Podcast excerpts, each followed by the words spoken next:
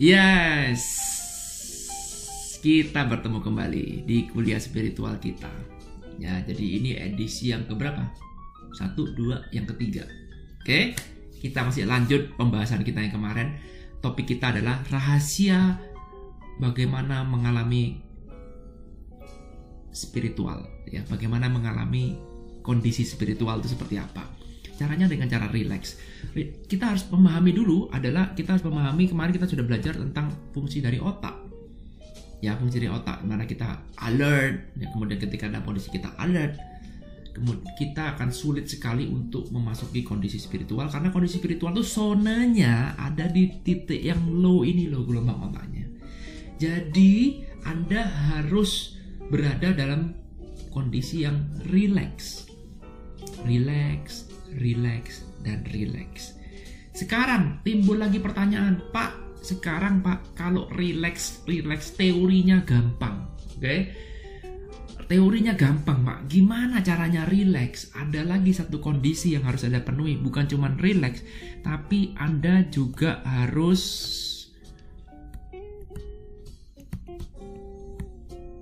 otak Anda betul ya tulisannya safe safe itu begitu apa? Ya anda ini aman lah.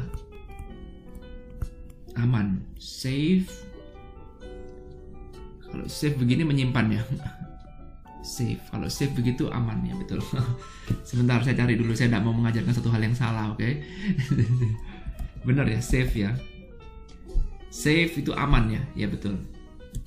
Kita lihat saya jangan jangan sampai anda mengajarkan satu hal yang salah. Kalau save yang begitu sekalian kita belajar bahasa Inggris kan kalau save yang begini itu menyimpan. Ya kalau save yang begini artinya aman. Sama-sama bacanya save keamanan betul? Oke kita lanjut. Namanya kuliah nggak boleh nggak boleh salah. Nanti takutnya saya salah. Oke kadang-kadang suka error. Nah jadi anda harus berada dalam kondisi yang safe aman jadi otak Anda harus harus uh, apa ya? Otak Anda harus harus berkesimpulan atau persepsi Anda harus otak Anda mem mempersepsikan bahwa keadaan Anda saat ini adalah safe. Safe. Aman. Ya. Yang dimaksud dengan safe itu bukan cuma aman, tapi juga nyaman. Jadi kalau sekarang Anda meditasi, ya Anda mau, mau masuk zona meditasi, belajar meditasi, oke? Okay? Tapi ruangan tempat Anda meditasi panas, sumuk, apek bau, ya. Kemudian kotor, ya. Kemudian berantakan. Oke. Okay? Banyak nyamuknya. Banyak nyamuk, ya Kira-kira Anda bisa meditasi nggak? Saya minum kopi dulu.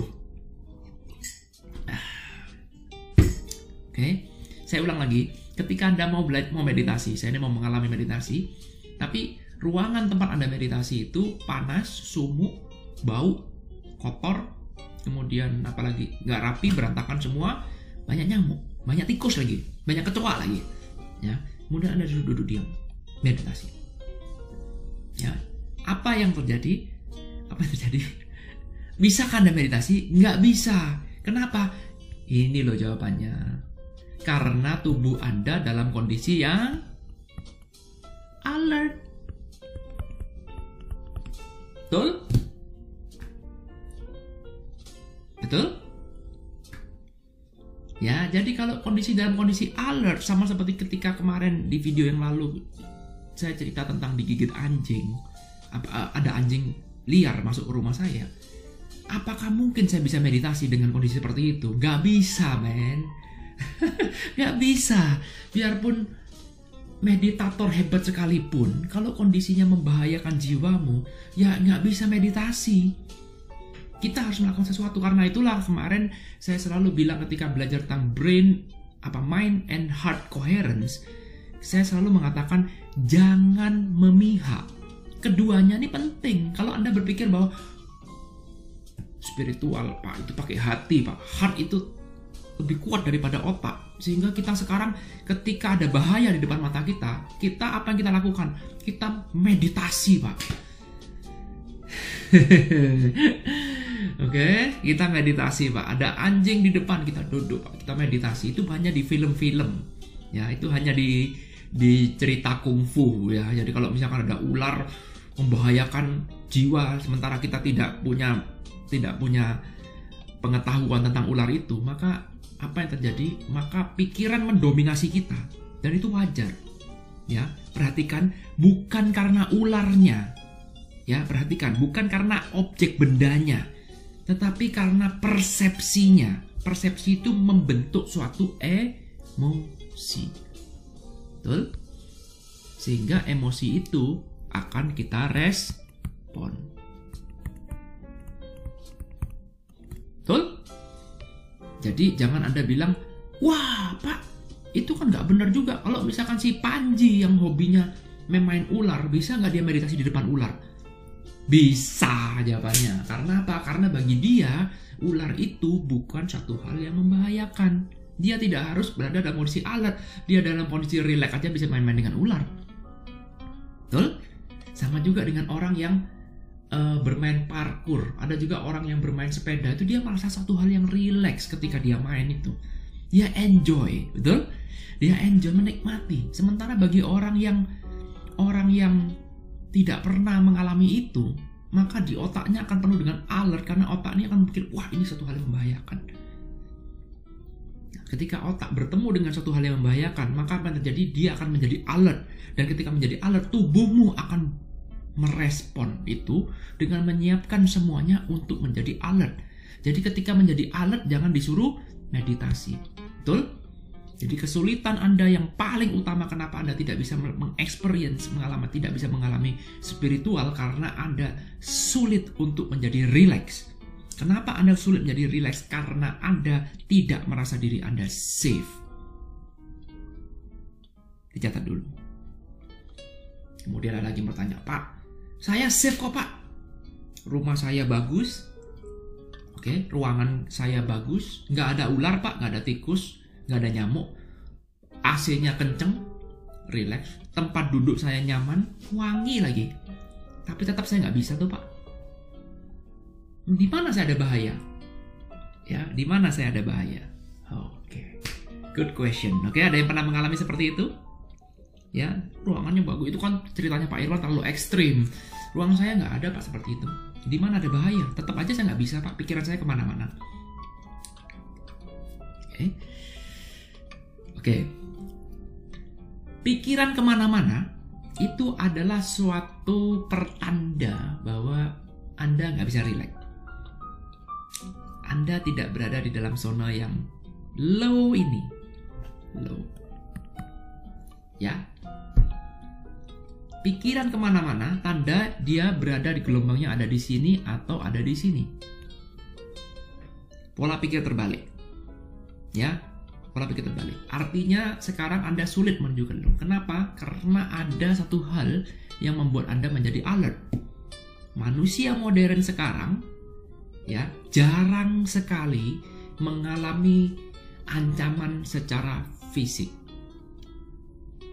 Ya, jadi manusia zaman dahulu ya kalau kita lihat nenek moyang kita mungkin mungkin mungkin zaman kakek nenek kita atau kakeknya kakek kita ya. Mungkin yang disebut dengan bahaya itu ya mungkin pada saat itu mereka lagi berkebun atau menjadi petani mereka tiba-tiba bisa melihat ular bisa melihat babi hutan bisa melihat uh, kerbau ngamuk misalkan atau melihat hewan-hewan berbahaya lainnya atau melihat gunung berapi misalkan atau tiba-tiba melihat gempa bumi sehingga kita harus menjadi alert oh ya manusia modern zaman sekarang sangat jarang mengalami ancaman fisik. Tetapi manusia modern sekarang menciptakan ketakutannya sendiri. Uh. Oke, okay. jadi Anda boleh mengatakan, oke okay, Pak, tempat saya ini sudah bersih, wangi, rapi, gak ada tikus, gak ada kecoa, gak ada nyamuk, dingin lagi udaranya bagus. Empuk tempat duduknya, tetap saya nggak bisa meditasi. Kenapa? Karena ada yang salah dengan di dalam pikiranmu. Apa pun itu pasti penyebabnya karena Anda mempunyai satu kejadian atau suatu peristiwa yang Anda create sendiri yang menyebabkan Anda. Apa itu ketakutannya? Salah satu yang paling sering adalah apa? Kuatir. Ini ketakutan nggak? Shit. Sudah akhir bulan. Nggak dekat akhir bulan ini. Mati kan nggak cukup uangnya ini. Gimana kita mau bayar bulan ini? Uang kita nggak cukup. Aduh, anak sekolah, anak sekolah uang minta uang pangkal, uang gedung. Habis gini, uang sekolah ini mau keluar lagi habis ini. Uang kita nggak cukup mau bayar pakai apa ini? Betul? Ya, maka ketika Anda punya pikiran seperti itu, tiba-tiba ada gambar, betul? Karena apa? Pikiran ini bekerja subconscious kita, pikiran itu mind itu ada conscious, ada subconscious. Subconscious kita itu menyimpan memori dalam bentuk gambar. Ya, subconscious ini ngertinya gambar. Pikiran kita ini ngertinya gambar. Jadi ketika ketika saya mendengar suara-suara oh, suara seperti itu, oke? Okay? Maka yang ketika saya menganalisa di pikiran saya ada gambar, betul? Wah ini jangan-jangan anjing nih, warnanya hitam mungkin. Wah ini anjingnya giginya taringnya keluar semua. Ada gambar meskipun saya belum lihat. Betul? Dalam bentuk apa? Gambar. Ya, perhatikan dalam bentuk gambar. Semua memori kita disimpan dalam bentuk gambar, tidak dalam bentuk kata-kata. Tidak ada rekaman kata-kata yang ada dalam bentuk gambar, dalam bentuk emosi. Ya, kekhawatiran ini, ya, ini akan menjadi membawa tubuh kita dalam kondisi alert alert ya kan waduh mati ketika anda dalam kondisi khawatir meskipun ruangan anda senyaman apa pun sebagus apa pun tiba-tiba ada tidak rasa ada nggak muncul rasa tidak nyaman karena khawatir itu nggak mungkin bisa rileks betul kenapa karena khawatir itu berarti anda tidak nyaman perhatikan lawan kata dari khawatir lawan katanya khawatir apa supaya anda tidak khawatir Ya tadi kan khawatirnya kan karena apa? Karena duit. Karena duit. Ya duit saya pakai dolar karena saya ada di Indonesia. oke, okay. khawatirnya karena duit. Oke, okay. Maka lawannya dari khawatir adalah apa? Lawannya khawatir apa? Lawannya khawatir misalkan gak khawatir, ya kan? Lawannya khawatir apa ya? Lawannya khawatir adalah tidak khawatir. Ya paling gampang, jangan berpikir sulit-sulit. Maka apa yang terjadi? Lawannya khawatir adalah di sini saya lack of di sini saya abundance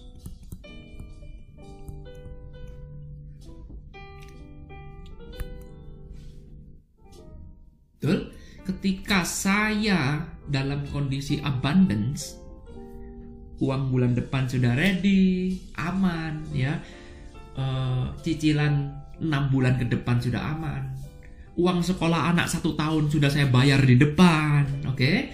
Cicilan mobil 8 bulan ke depan aman, cicilan rumah semuanya aman. Artinya saya di ke depan tiga bulan aja saya nggak usah kerja, santai di rumah. So far so good, all is well, aman jaya. Ya, kira-kira saya lebih mudah nggak masuk ke zona relax ini? Mana yang lebih mudah ketika Anda dalam kekurangan atau Anda dalam kondisi abundance untuk masuk dalam kondisi relax. Nah, ini loh belajar spiritual. Ini loh belajar spiritual. Belajar spiritual itu menurunkan gelombang otak. Masuk dalam kondisi relax, zonanya relax. Kalau Anda sekarang selalu alert, Anda tidak bisa belajar spiritual. Betul? Setuju? Oke? Saya ulangi lagi Belajar spiritual yang benar adalah Anda harus berada di dalam zona yang rendah. Gelombang otaknya maksud saya. Sehingga Anda bisa merasa relax. Supaya bisa relax, Anda harus merasa safe. Anda harus merasa aman, bukan cuma aman secara fisik, tapi juga aman secara pikiran Anda. Anda tidak pikiran Anda tidak mempersepsikan ada satu bahaya, ada satu ketidaknyamanan yang akan datang dalam hidup kita atau sudah datang sebelumnya.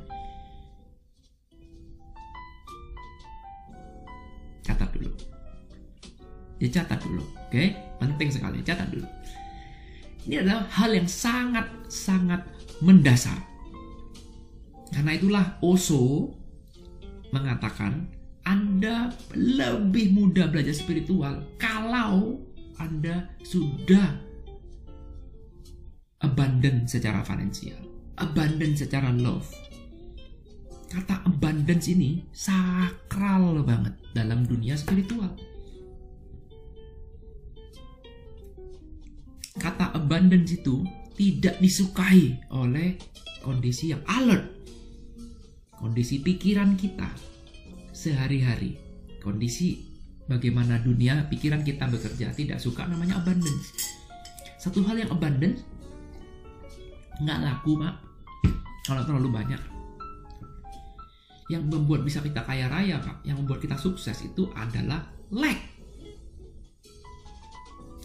Itulah pola pikir kita, ya. Itulah dunia di mana tempat kita bertinggal. Nanti kita akan bahas itu tentang dunia materi dan non materi. Lain lagi pembahasannya. Kalau dunia kita sekarang ini sistemnya adalah piramid. Artinya apa? Saya mau jadi orang ini le puncaknya. Orang kaya, Pak, sama orang miskin. Ya ini orang miskin, Pak. Ini semua miskin semua nih. Ini gak sukses, Pak. Kalau yang ini sukses semua, Pak. Yang sukses cuma berapa? Satu persen, Pak. 99 persen sisanya gak sukses. Jadi saya harus menjadi orang yang satu persen. Abundance gak? Abundance gak? Ini loh dunia spiritual. Kalau ini di grup sebelah, saya anti abundance. Kalau kita ngobrol tentang ekonomi, kalau kita ngobrol tentang marketing, kalau kita ngomong tentang sales, tentang dunia financial, no, ini gak laku ilmu ini. Tapi kalau kita ngomong spiritual, spiritual kita ini abundance loh. Matahari bersinar setiap hari tanpa matahari bersinar selesai. Nggak pernah bayar apa pun tuh kita. Udara, oksigen kita gratis. Kalian apa? Nyawa loh ini. Gratis. Bisa. Anda mau kalau kita lihat eh, nenek moyang kita dulu, ya kita segila-gilanya apa kalau kita butuh makan cari ikan di laut ada ikannya sekarang aja bilang ekosistem sudah rusak segala macam kalau kita jaring ikan masih ada kok. Mother Nature tetap abundance. Tetap abundance. Ya dan kemudian tanah kalau sudah uh, kita tanemin bisa jadi tumbuh membuat jadi sayuran jadi buah. Gratis tuh. Bisa kok bisa. Kalau anda mau melakukan sesuatu Mother Nature pun akan mengikuti. Abundance sekali ya Mother Nature air berlimpah. Ya di Indonesia udara begitu indah, air berlimpah, tanah subur, abundance sekali. Nature itu abundance. Hidup kita nih seharusnya juga abundance. Ya, lihatlah uh, jagat raya kita, ya, bukan cuman semesta kita, jagat raya kita. Bumi ini begitu luas. Bumi ternyata lebih kecil lagi. Ada lagi kalau kita lihat di luar semesta ini, waduh, masih tata surya, kemudian masih ada galaksi, masih ada apa? Oh, begitu luasnya bumi ini cuman sebuah titik bahkan lebih kecil dari titik, cuma sebuah kuman lah kalau di jagat raya ini. Bahkan sampai sekarang pun kita nggak tahu ujungnya jagat raya itu di mana, nggak tahu. Betapa abundance-nya, betapa abundance dengan waktu, berapa usia bumi. Usia, usia bumi misalkan kita menduga mungkin satu miliar tahun. Oke, berapa usia matahari? Usia matahari mungkin bisa 30 miliar tahun misalkan. Oke, okay. berapa usia dari jagat raya ini? Oh my god, pertanyaan apa itu? Ya, bahkan kalau kita ngomong tentang ilmu astrologi, bahkan mungkin planet yang kita lihat atau mungkin cahaya bintang yang kita lihat, mungkin itu aslinya sudah nggak ada. Karena apa? Saking jauhnya itu cuman cahayanya aja sampai ke kita. Kalau kita deketin sudah nggak ada. Belum lagi kita ngomong kecepatan, seberapa cepat Ya, seberapa cepat kecepatan kita berjalan aja sekarang belum ada kecepatan cahaya. Padahal kalau kita lihat ada benda-benda angkasa itu yang kecepatannya jauh lebih cepat daripada kecepatan cahaya. Kalau kita bilang kecepatan cahaya udah cukup jago, cukup hebat, kalau Anda bisa menciptakan kecepatan cahaya, pesawat dalam bentuk kecepatan cahaya, maka apa yang terjadi? Maka apa yang terjadi? Apakah Anda bisa menuju ke ujung-ujung universe? Nggak bisa ada bintang yang kita lihat atau planet yang kita lihat itu cahaya aja jalan bisa puluhan tahun bisa ratusan tahun padahal kecepatan cahaya Jadi Anda bisa bayangkan, oh, so much big, so much abundance. Itulah, itulah dunia kita. Tetapi pikiran kita begitu tidak abundance-nya, betul? Pikiran kita begitu sempitnya, hidup kita ini begitu abundance seharusnya, tetapi karena kita pikirannya sempit, sempit pikirannya, ya. Karena pikiran kita sempit, maka kita melihat hidup ini juga tidak abundant. Sekali lagi, benar tidak benar itu tergantung dari persepsi Anda Hidup Anda tergantung dari persepsi Anda. Kalau Anda menganggap bahwa hidup ini penuh dengan abundance, maka rezeki akan datang terus kepada Anda. Tapi kalau Anda merasa bilang, ah enggak, mau siapa, ngawur itu. Ya, itulah juga yang terjadi. Jadi si hidup ini semua tuh apa yang menjadi persepsi Anda. Karena itu kalau kita mau mengontrol orang lain, maka kontrollah, ciptakanlah persepsi baru. Persepsi baru, ya, supaya apa? Supaya orang ini gampang kita kontrol Supaya orang ini gampang kita kontrol, maka gampangnya apa? Sempitkan pikirannya dia, jangan dilebarkan. Orang yang fanatik, orang yang fanatik itu pikirannya sempit, betul? Ya, orang yang pikirannya sempit itu fanatisme sempit itu biasanya based on based on fear. Jadi persepsinya itu selalu based on fear. Jualan ketakutan, betul?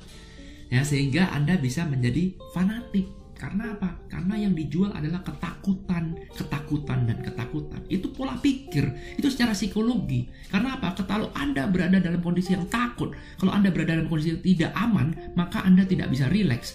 Dan kalau Anda tidak bisa rileks, maka pikiran Anda nggak bisa buka lebar. Betul? Karena itulah kalau ketika kita panik, maka kita disuruh, yuk relax dulu, relax, tenang, tenang, tenang dulu, tenang. Masih ingat kalau kita main badminton, ya kalau kita olahraga, sebenarnya coach itu gunanya apa sih? 80% ketika saya jadi coach nih ya, 80% sebenarnya fungsi dari coach itu membuat si pemain tenang. Kenapa begitu? Karena ketika pemain dalam kondisi yang tenang, maka dia ini bisa berpikirnya luas. Dia ingat semua strategi yang saya ajarkan ketika latihan betul tapi kalau dia panik lihat penontonnya sudah mati aku mati aku. Lihat musuhnya hebat aduh dia juara mati aku. Maka apa yang latihannya lupa semua. Latihannya lupa semua. Di ini juga sama di bela diri juga sama. Sama persis. Kalau anda bela diri juga sama mau ilmu anda setinggi apa pun sabuknya sudah banyak. Ketemu preman yang tatonya banyak antingan mukanya sangar lebih gede daripada anda anda udah takut duluan. Belum lagi tambah lagi ada histori di dalam pikiran Anda. Eh, ini kan namanya si A. Si A nih udah jagoannya sini. Dia sudah bunuh orang banyak. Oh, takut Anda. Padahal kalau fighting dan kondisi relax, mungkin si A bisa kalah dengan Anda. Karena Anda sudah banyak ban hitam tambah strip strip strip strip strip. Ya, itu akan membentuk suatu mental. Mental itu apa sih? Persepsi, betul? Jadi fungsi dari seorang pelatih sebenarnya tuh apa sih dia ucapkan? Ketika pemainnya lagi grogi, kaki ketinggalannya jauh, pelatih itu bilang apa? Tenang, tenang, tenang. Tenang, tenang, relax, relax. Oke, tenang, tenang, tenang, tenang. Kamu bisa kok, tenang, tenang. Tarikan kata, tenang. Tenang, tenang, tenang, tenang. Coba kalau Anda bertemu pelatih seperti ini, goblok kamu. Gitu aja nggak bisa sih. Itu kan gampang, goblok kamu itu. Apa yang terjadi? Makin down, makin down mentalnya bukan gelombang otaknya. Mentalnya makin down dia makin merasa diri tidak berharga maka apa terjadi? Semakin kacau mainnya. Padahal kalau latihan bagus. Saya sendiri loh mengalami seperti itu. Bisa kalah dengan orang yang jelas-jelas di bawah saya ketika pertandingan. Kenapa begitu? Karena banyak faktor ya pokok ujung-ujungnya karena saya tidak tenang karena saya tidak enjoy karena saya tidak relax. Ketika anda bisa mencapai titik enjoy ketika anda bisa mencapai titik relax nothing can stop you. Pukulan yang paling berbahaya coba anda lihat main man itu pukulan yang paling berbahaya adalah ketika dia relax. Ketika anda ngotot malah nggak bisa kuat. Power and force. Betul? Power and force. Ya masih banyak lagi faktor yang mau kita pelajari ya jadi intinya adalah kenapa Anda tidak bisa tidak bisa tidak bisa relax pada Karena Anda tidak merasa safe. Kenapa Anda tidak merasa safe? Karena ada yang salah dengan otak Anda. Dengan bahan pikiran Anda. Sehingga itu menarik Anda keluar dan keluar lagi. Oke, jangan. Saya tahu Anda pasti punya banyak pertanyaan bagaimana bagaimana. Yang penting sekarang sudah ketemu jalannya. Perkara bagaimana itu nggak nggak penting. Oke, sekarang kira-kira pelajaran ini masuk akal apa enggak? Kira-kira bisa mewakili nggak? Oh alah ternyata ini tuh. Karena apa? ketika saya tahu ilmu ini ternyata ini bisa menjadi link missing link ya oh ternyata selama itu saya begini oh sebenarnya seperti ini iya ya karena itulah saya ngotot di grup sebelah kok ngomongi keuangan ya kok ngomongin cara make money bagaimana karena saya ingin anda feel abundance kalau punya banyak problem hidup anda rumitnya minta ampun Bagaimana bisa meditasi? Yang ada adalah Anda semakin tersesat, semakin tersesat, semakin tersesat. Sama seperti atlet tadi itu. Bagaimana bisa rileks, Pak? Pikirannya aja blundet. Betul? Ya, supaya bisa rileks juga Anda harus bisa ya inilah satu lagi sebelum kita mengakhiri video ini karena sudah 26 menit. Satu lagi rahasia yang akan saya sharingkan di sini dalam dunia spiritual, relax, safe dan Anda harus bisa apa? harus bisa surrender harus bisa uh, bukan surrender uh, let let let let letting go let go let go ya wow pelajaran baru lagi nih oke okay? nanti kita akan bahas di video selanjutnya jadi ada satu faktor lagi yang paling penting ini. Ini rahasia semua. Relax safe surrender. Letting go. Ya yang ketiga nanti kita bahas di video selanjutnya oke? Okay? thank you. Pelajari dulu dicatat dulu oke? Okay? jangan lupa like subscribe dan komen. Bye. Thank you. I love you